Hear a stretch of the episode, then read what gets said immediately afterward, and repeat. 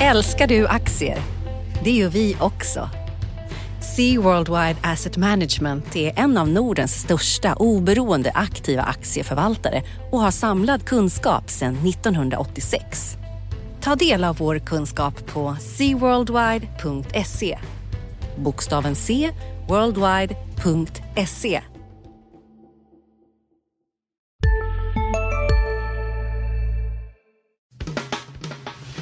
Analyspodden från Dagens Industri. Hej alla ute i sommarledigheten. Här inne är det inte någon ledighet utan rapportsäsong för full fart. Eh, och vi kör veckans avsnitt av Analyspodden. Och jag heter Ulf Pettersson och med mig mitt emot här i studion har jag Agneta Jönsson. Hejsan Agneta! Hej Ulf! Du har ju redan varit igång här, eh, nästan jobbat en halv arbetsdag idag. Det stämmer, jag har stått i tvn där med eh, Pontus Serin och eh, Jon Åsberg och massvis av börs som har varit där och pratat om sina siffror. Och eh, det är ju den tredje, får man säga, fjärde kanske stora rapportdagen och eh, det som stack ut här på fredag morgonen är väl eh, att det är, går ganska dåligt eller till och med dåligt för den lite tyngre industrin. SSAB och Boliden rapporterade svaga resultat. Det är egentligen så har det varit dåligt hela veckan. Tittar vi på index så har det åkt ner en 2% här på grund av de här kraftiga rörelserna och mm. det har varit väldigt koncentrerat med rapporter.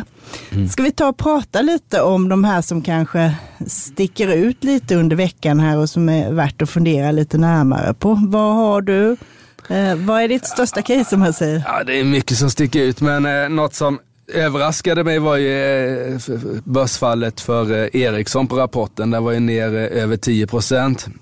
Och när vi tittade på den först i, i tv-studion, då var det också tv-sändningen när den kom, så tyckte vi att den såg bra ut till och med. Att, att eh, Networks kom in, som är dess viktigaste affärsområde, kom in jättebra vad det gällde rörelsemarginal och omsättning och sådär. Men sen så föll ändå aktien 10% och det har att göra med att det fanns en del märkliga eh, grejer i, i resultaträkning där man hade en positiv kundförlust på 200 miljoner kronor jämfört med en riktig kundförlust på 400 miljoner. Så det var en skillnad där på 600 miljoner som stökade till en del i, när man tittade på prognoser. Så det såg lite bättre ut än vad det var då Ja, egentligen. precis. Och sen men det stora fallet kom egentligen när, på telefonkonferensen när eh, Börje Ekholm började prata om marginalpress kommande kvartalen och det ligger ju inte alls inne i eh, marknadens prognos om marginalpress i det här läget utan nu är ju fullt fokus på att leverera 10% marginal 2020 som är deras mål. Och tidigare har Ericsson kommunicerat väldigt stringent och tydligt att de kommer nå det där och man räknade ju med att de skulle höja mm, marginalprognosen, förväntningarna framöver. Kanske inte detta kvartalet redan men framöver och så kommer det här då med att det är marginalpress till följd av att man tar många nya 5G-affärer som är låglönsamma i början. Men, så det stökade till det från att det varit en väldigt fin resa för Ericsson-aktien så rasade den som sagt var 10 och nu tror jag att eh, marknaden eh, kommer vara klart avvaktande till Ericsson-aktien helt plötsligt. Precis, men kan det inte vara lite läge här att titta på om vi kommer in i lite tråkigare höst och plocka upp dem där? För du har ju ändå den här affären framför dig så att säga. Jo, det har du. De är ju inte konjunkturkänsliga på det sättet Ericsson utan de följer sin egen konjunktur, det vill säga uppbyggnad av nya system och, och sådär eh, och inte den allmänna konjunkturen. Så det kan absolut vara någonting. Nu har de ju gått upp ganska kraftigt. P talet är ganska högt sett till eh, dagens vinster är det väldigt högt. Eh, men ja, kommer den ner ytterligare lite grann så tror jag nog man ska plocka upp den. Säg att den kommer ner 10% till Ericsson-aktien, då kanske det kan vara läge att fånga upp den för den är ändå det är ändå inget konjunkturspel och det, konjunkturspel vill man inte ha idag. Det tycker jag rapportsäsongen visar. Precis, så då gäller det att hitta lite andra grejer här som kan vara intressanta ja, framöver. Jag tyckte en annan, en annan sån där som, om man, vi ska väl prata mer om verkstadsbolagen sen också, som har varit det stora tillsammans med dina banker förstås, som toppade tidningen här i, igår var det väl.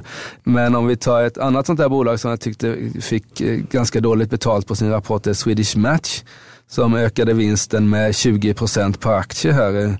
Eh, rörelsen tas upp 14 så hon återköpte de aktier och hade lite lägre finansnetto så det blev 20 upp på aktien. Medan aktiekursen inte rörde sig alls det här kvartalet och det ser jättebra ut för dem vad det gäller den här synexpansionen som verkligen syns i siffrorna nu.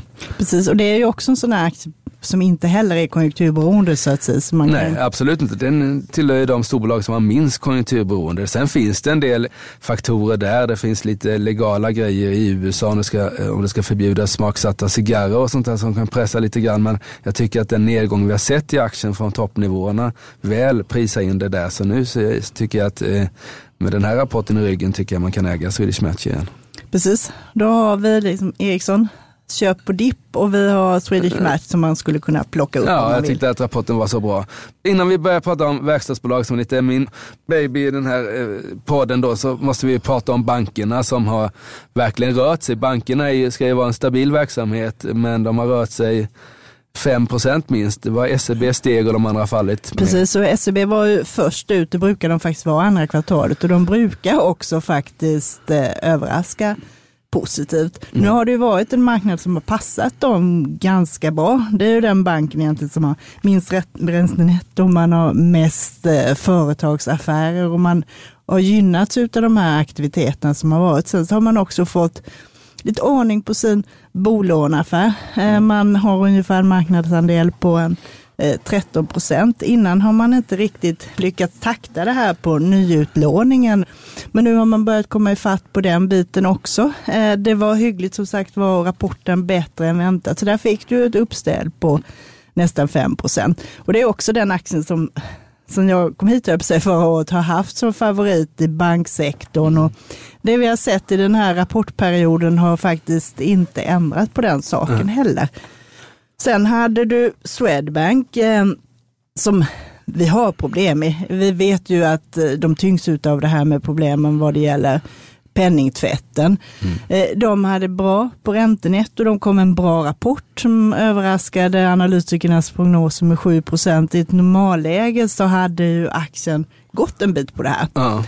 Men det som kom är ju att nu har de ju fått en delvis ny styrelse mm. med Göran Persson, vår före detta statsminister som ordförande. Mm. Och man har då gjort en översyn och tittat på det här med utdelningspolicyn. Mm. Swedbank har ju delat ut 75 procent utav vinsten nu väldigt länge. Mm. Och denna gången bestämde man nu att man ska minska det här och dela ut 50 procent av vinsten.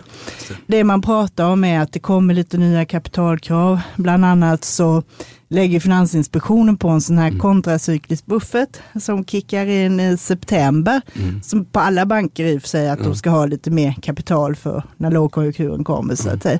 Och sen ska det också bli nya krav på kommersiella fastigheter som man har pratat om eftersom Finansinspektionen ser en risk där. Just det. Och det här snacket då, och lite sen finns det ju det här då i bakgrunden med risken för eventuella böter på grund av penningtvätten och jag tror också att det är en markering mot eh, myndigheterna så att säga, att man tar det här på allvar mm. och att man ser till att buffra en del kapital och det gör då att man nu. Va, va, va, var det oväntat skulle du säga? Var det liksom, för man har väl liksom ändå det här att de har problem och, och de andra regulatoriska. Det var ju ingen nyhet som kom i veckan här, men det var ändå lite, man räknade Precis. inte överallt med den här utdelningen. Det har funnits lite snack om det i marknaden, men jag, det var nog det var tidigare än vad jag trodde. Ja. Eh, att man skulle börja göra det redan nu. Mm. Eh, sen har vi ju sett, Danske gjorde ju lite sådana smååtgärder också. Kom ihåg de skänkte en och en halv miljard till åtgärder mot penningtvätt förra sommaren och sådär. Mm. Men det hjälpte ju inte så mycket för att stoppa den här snöbollen. Mm. Och det vi har i Swedbank är att det finns två utredningar som är på gång. Det är svenska och baltiska finansinspektionen som gör sina grejer. Mm. Men sen har du också amerikanska myndigheter som håller på att titta i det här. Det. Kollegan Martin Rex skrev ju i veckan också att de misstänks vara inblandad i transaktioner i Litauen som har gjorts med en afrikansk bank som har hållit på med att finansiera affärer i kemiska vapen i Syrien och sådana här grejer. Och så länge det här pågår så finns det ju risk att det poppar upp sådana här ja. eh, surdegar. Mm. Så att eh, jag tror att eh, tyvärr att det kommer vara lite tråkigt i Swedbank framöver också. Att direktavkastningen går ner liksom från 10 till 6 procent det satte ju sina spår här också, för många har ju köpt det här som en utdelningsaktie. Just det. Och tar vi nästa bank då, det är Nordea. De sänker inte sin utdelningsfilosofi nu, men de flaggar för att det kommer sänkas senare. Eller hur ska man tolka deras skrivningar i halvårsrapporten? Precis. Och hur var rapporten? överlag från Nordea? Precis, rapporten överlag var svag på de flesta punkter. Det var några lite ljuspunkter i det här så att säga. Tradingnettot var lite bättre, sen pratar man också om att man ser en liten vändning på intäkterna. Tittar du tillbaka så har Nordea liksom tappat 13 procent av sina intäkter sedan 2015 och det är ganska mycket och då har du ändå haft en förhållandevis en stark konjunktur. Sen och, det, då... och det är betydligt mer än vad de andra bankerna, så ja, de tappar marknadsandelar precis. kan man säga då? Eller? Jo, och sen i och för sig alla har pressat ut av det här med minusräntor och fallande mm. räntor och alltihopa, men de tappar och de har tappat på flera områden, bland mm. annat har de tappat på bolån, men där börjar de komma tillbaka okay. nu och det var första gången på länge som de faktiskt tar sina marknadsandelar där också, men mm till lite priset och kanske mot marginaler. Mm. Men det gör ju att eh, Nordea har haft ett intäktsproblem, så att säga. det behöver man komma till rätta med. Mm. Så de har gjort en jättestor omställning och investerat hur många miljarder som helst i digital plattform, i alla de här åtgärderna mot regelefterlevnad och sådana här grejer. Och det här har ju gjort, liksom hållit ner resultatet. Mm. Sen har man haft då, sedan egentligen januari 2016 gjorde man om sin utdelningspolicy förra gången. Då hade man, precis som Swedbank, 75 procent av vinsten. Men då gjorde man om det till att man skulle öka utdelningen år från år. Mm. Och för investerarna blev det lite av en snuttefilt, så att säga. Att då kunde man ha lite överseende med att aktien var lite trist och man ändå fick så bra direktavkastning. Uh -huh. Och där nu så säger man nu igår att man ska se över hela sina finansiella mål och det är ju då också behovet av kapital och, eh, och då ingår utdelningspolicyn i det här. En del av detta är ju att de flyttade till Finland, vilket gör att det är ju ECB som bestämmer hur mycket kapital de ska ha och där mm. kommer ju de nya kapitalkraven att komma under hösten. Mm. Det kan ju vara så faktiskt att de behöver lite mindre, för svenska Finansinspektionen har ju varit tuffare egentligen ja. med kraven, så det kan ju vara att det frigörs eh, kapital. Mm. Men det gamla utdelningspolicyn har ju också gett lite signal om att man var komfortabla med att vinsten skulle öka. Mm. För du kan ju dela ut lite mer än vad du gör i vinst något enstaka år, men du kan ju inte hålla på så i längden. Nej.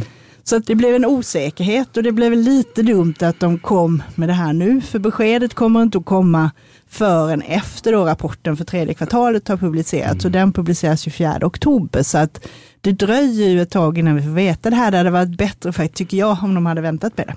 Ja, och då har vi också en vd-post som är eh, ledig i, i, Nordea. Så det är mycket osäkerhet kring Nordea och vad som händer där. Precis. Och på ägarfronten har du Christer Gardell och eh, eh Sampo. Sampo Valros. Ja. Det ska ju hittas en vd till Swedbank också så att det är ju ont om eh, kvalificerade bank ja. nu och slagsmål om de som finns. Men vad skulle du tro, tro, du att, eh, som du säger där, att, att, ha ett utdelningsmål om att, man ska, ö, som ska att, att, att utdelningen ska öka varje år, det funkar ju när vinsterna stiger. Men nu stiger inte vinsterna i Nordea och det är klart att då blir det ett mål som är liksom omöjligt att infria egentligen så småningom. Precis. Tror, tror du de kommer liksom införa 75% målet igen eller tror du det kanske blir 50 målet som är Swedbanks nya mål och som även är väl SEBs eh, mål men de brukar alltid dela ut mer än 50% Precis, det kan ju vara någonting sådant att man lägger sån här spann 50 75 ja. och sen kan man ju också kombinera med återköp vilket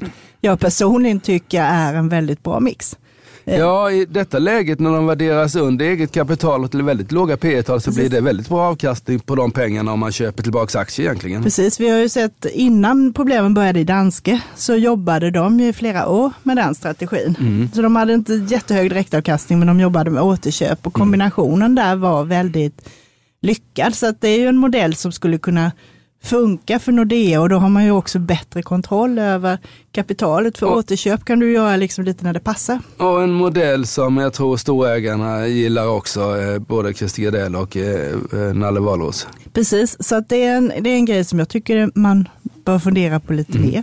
Sen hade du Handelsbanken också. Just det. Och där var tyvärr inte heller någon bra rapport. Där har följetongen varit senaste året att kostnaderna har ökat extremt mm. mycket. Förra året ökade de 10 procent.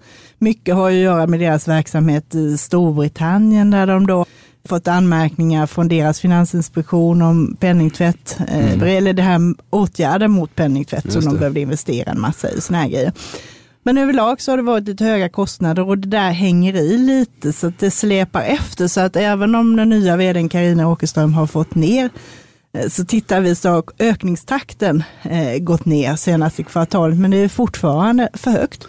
Och de har ett högt K-tal jämfört med de övriga, är det inte så? Eller? Precis, så de, precis, de var ju världsmästande i kostnadskontroll innan så att, eh, och låg under Swedbank. Nu är ju Swedbank betydligt mm. bättre vad det gäller den grejen och det gör ju också att de har väldigt fokus nu på att få ner kostnaderna och det som kommer att ske i Handelsbanken är att man håller på att liksom back to basics, man ska bli en enklare bank, man ska göra de grejerna man är bra på, de grejerna man har en god lönsamhet på. Så att man har stängt ner kontoren i Baltikum och Polen, man håller på att se över. Just nu pågår vår stora season sale med fantastiska priser på möbler och inredning. Passa på att fynda till hemmets alla rum, inne som ute, senast den 6 maj. Gör dig redo för sommar. Välkommen till Mio. CSRD, ännu en förkortning som väcker känslor hos företagare. Men lugn, våra rådgivare här på PWC har koll på det som din verksamhet berörs av. Från hållbarhetslösningar och nya regelverk till affärsutveckling och ansvarsfulla AI-strategier.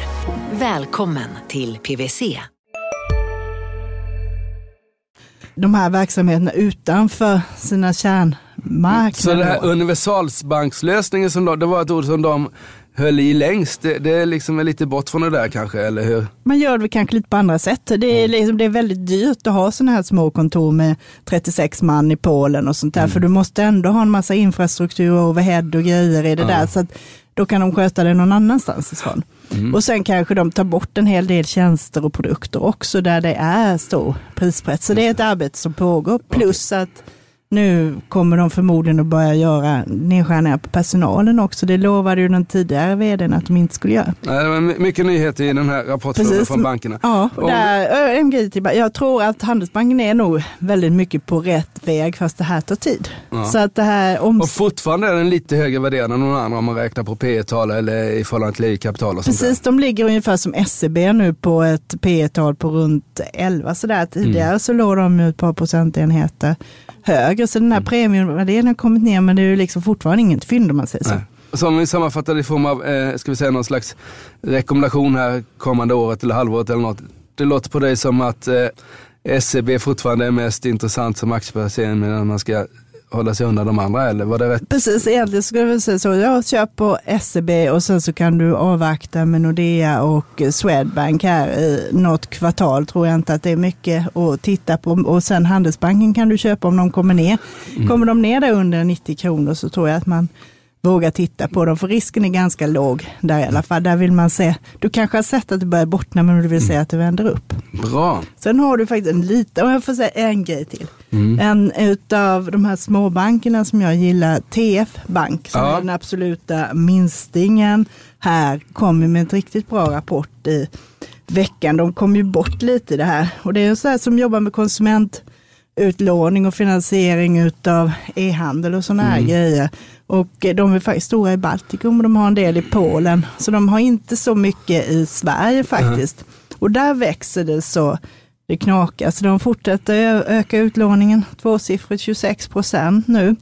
Och det gör ju att resultatet eh, pinnar iväg också. Så att där har du en jättesnabbt växande bank som värderas till 12 gånger mm. årets vinst och sen får du en direktavkastning på runt 3 procent också. Mm. Eh, det här är ju lite mer känsligare men de har, har också en konstruktion i sin balansräkning som gör att de kan skala upp och skala ner ganska snabbt beroende okay. på marknadsläge. Så den är fortfarande intressant att titta på.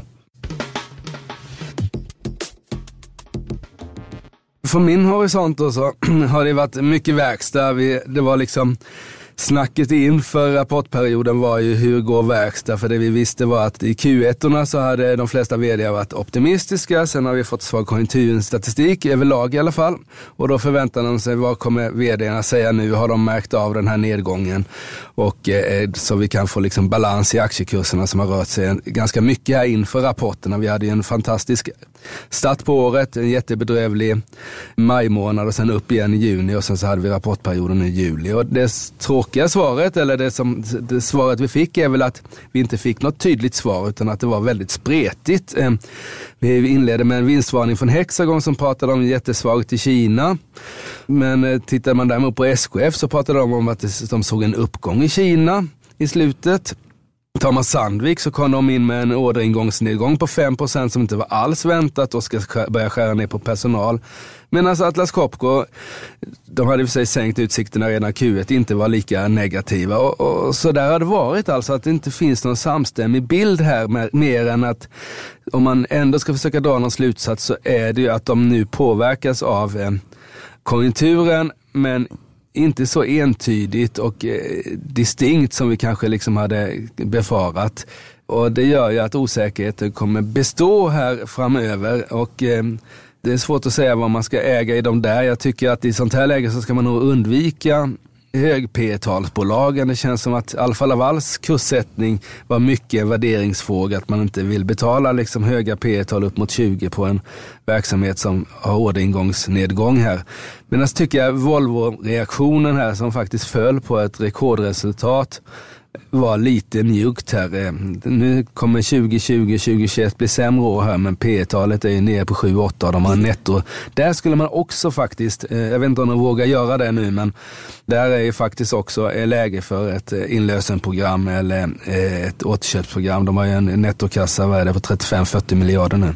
Precis och det gör ju att de ser ut att vara lite annat läge. För har du en så pass låg värdering, om vi nu ser lite av det här som toppvinster, så finns det ju ändå så att säga möjlighet möjlighet att få en hygglig utveckling i axeln. Precis, och där kommer ju, men som sagt var, orderingången var ju, var ju rejält ner i, i Volvo, ner 20 procent ungefär. Och det är klart, det talar, men å andra sidan så är ju order de producerar för fullt så man behöver kanske inte jaga order heller utan man har att göra vet man ett tag framöver och då kanske man inte behöver liksom sälja lastbil utan ta det lite lugnt och försöka höja priserna istället för att liksom hantera orderflödet på så sätt. Men eh, av de här som sticker ut så tyckte jag att det var lite för negativ reaktion på Volvo-aktien medan eh, jag skulle vara mer försiktig kring de här lite högvärderade Atlas Copco och eh, Alfa exempelvis bland annat som har kommit och även Hexagon. Precis, sen eh, om man tittar på det här med lastbilarna så är ju det dyra saker, styck om man säger. Köpa en ny lastbil är en stor investering. Där gynnas man ju faktiskt också av det här låga ränteklimatet ja, ja. så att säga. Det gör man och det finns ju en, alltså e-handeln som folk håller på med. Eh, grejerna ska ju så att säga fraktas och eh, då är det fortfarande ofta lastbilar. Så det, de gynnas ju faktiskt av den här e-handeln som har gjort att distributionsnätet har blivit mer, så att säga lite spretigare och mer lastbilar behövs eh, på sikt. Men vi får se här, vi har inte sett Martin Lundqvist vara med i en nedgång, i en konjunkturnedgång som vd för Volvo här. Eh, kan man hantera det där så att inte de visar förlust likt de gjorde 9, 2009 så, så tror jag att aktien kommer på, åtminstone på sikt vara köpvärd här nu runt 130-140 spänn. Precis, men det som jag tänkte på också var bland annat Sandvik refererade ut det där att man aktiverar lite sina beredskapsplaner. Mm. Och det är ju en grej som har kommit sedan förra den här nedgången 2009. Mm. Alla bolag är ju väldigt förberedda ja. nu och har åtgärdsplaner, minsta lilla signaler som syns. Ja, det är de och det gäller ju som sagt var, det gällde Sandvik här men det gällde ju även Stora Enso som utökar ett besparingsprogram nu de eh, ser svaghet, vinsten gick ner lite grann. SSAB stänger en masugn i Oxelösund, 100 personer drygt bort. Och det är sånt där som man denna gången tar man de där besluten nu, eh, vis av hur det gick 07, 08, 09 då man så att säga var väldigt sen på bollen. Jag kommer ihåg eh, halvårsrapporten 08 hur positiva eh, de var då, alla verkstadsbolag och sen så ett halvår senare så var det liksom stor kris. Och apropå eh, halvåret 08 så visade det sig att den här rapportperioden då enligt Micke Wilenius, vår kollega sammanställning som väl är i färd att eh, slutföras här, så är det här den sämsta Q2 rapportperioden vi har haft sedan just 08. Och det där stämmer ju lite till eftertanke med tanke på hur börsen gick efter det. Precis. Det skulle inte jag säga, för en av våra lyssnare tycker att jag sa precis för mycket, så jag ska Aha. tänka på det. Ja, så du får säga, säga, exakt kan du säga istället. Exakt det kan jag säga istället. Just det kan du säga också. Det kan jag göra, jag får öva på det där. Just det. Men ja, eh, du, eh, ska vi blicka framåt också eller någonting mer du vill vi ska avhandla kring veckan som varit? Ett bolag som jag tänkte bara skulle nämna lite snabbt är Intrum, som mm. jag har hållit på med ganska mycket. En, en, av, dag, en av veckans vinnare får man Precis. väl säga. och det är ett sånt där bolag som har varit lite ingen gillade dem när de hade gått ihop med Lindorff. Det var, man trodde inte de skulle lyckas med den här fusionen. Det blev lite grus i maskineriet i början, men det har tuffat på väldigt bra. Man har gjort en del stora affärer. Man köpte ut gjorde ett stort samarbete i Italien förra Mm. året med den här storbankerna Intesa San Paolo. Nu i andra kvartalet här, nu i juni, så går man in och gör ett samarbete med grekiska Pireus Bank, där Mm. man kommer då att ta ett bolag ihop med dem, där man kommer driva in fordringar. Mm. Och det är ju poäng med det här, det är ju, i södra Europa finns ju väldigt mycket dåliga lån och kreditfordringar och sånt att driva in och det tjänar de ju pengar på. Så att de kommer med ett väldigt bra rapport. Och man har också då identifierat eh, fler besparingar på ungefär 620-630 miljoner per år eh, som man kommer att kunna realisera från 2020. Så att de är på väg mot eh, det här målet att kunna tjäna, de har ett mål själva att tjäna 35 kronor per aktie nu 2020. 2020 och aktien står i 270-280 spänn va? Ja, något under. Och eh, det gör ett P tal på 7 om de når dit. Ja. Men även om de inte når hela vägen dit så har man bäddat för den här resan nu. Ja. Och där har du liksom mekaniken i deras affärsmodell är att är det dåliga tider, ja då får folk lite svårare att betala, men å andra sidan får de mycket fler ärenden då. Eh, är det bra tider, då är det färre ärenden men pengarna kommer in snabbare. Så att det ska vara riktigt, riktigt dåligt, typ som det var där 2008-2009 för att det ska drabbas lite lälla. Lågkonjunktur är inte så farligt för dem. Så den är fortfarande bra. Bra, det var det om veckans intensiva eh, rapportperiod. Den är ju i stort sett nästan över nu när vi tar ledigt för helg här, men det finns några bolag kvar, eller hur Agneta? Precis, nästa vecka så mm, tunnas det ut markant. Men på måndag så har du MTG. Eh, kan vara lite spännande att se hur det går för dem. Första rapporten är det väl för dem för egna ben. Och sen har du på tisdagen så har du Resurs som jag har tittat på. Det också en sån här liten nischbank som växer Mhm. ganska bra. Som borde kunna komma med hyggliga siffror väntar jag mig i alla fall. Mm. Eh, samma dag så får du på makrosidan så kommer IMF med en sån här konjunkturuppdatering. Eh, och det är ju lite intressant att se hur de ser på världen. Det, det brukar ju ligga lite efter allting annat men man får ändå en bild på hur hela världsläget ser Ja. ut så att säga.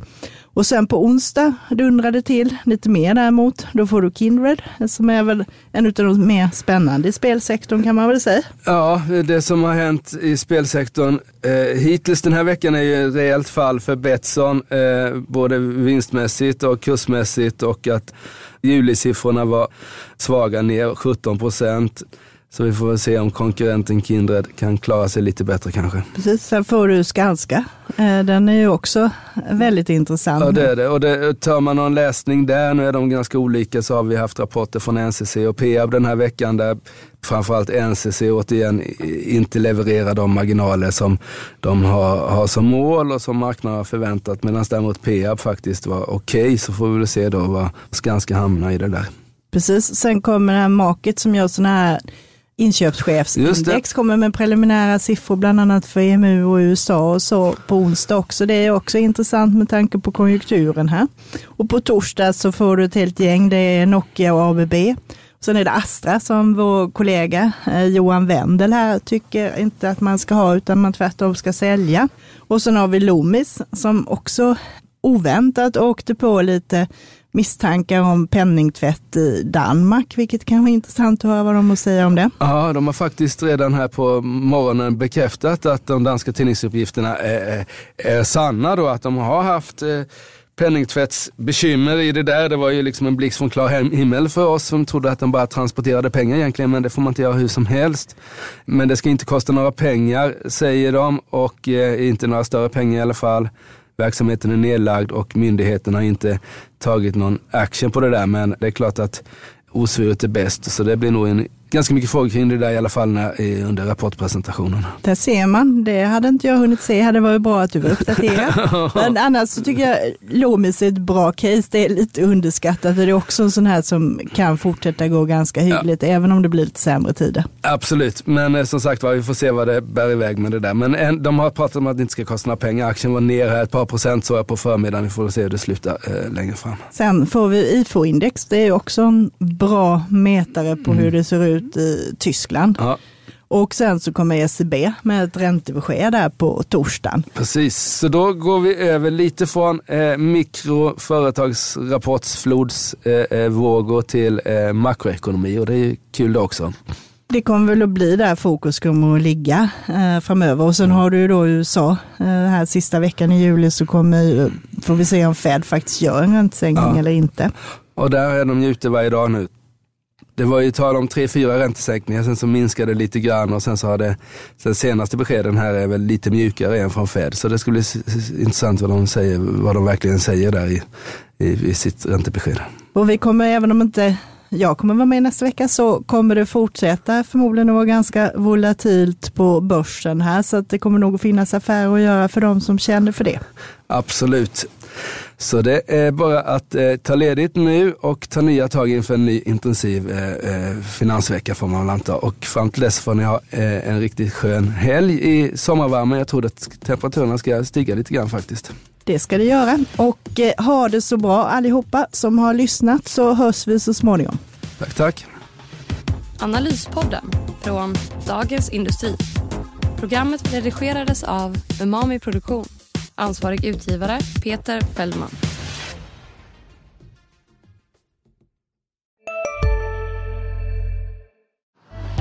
Älskar du aktier?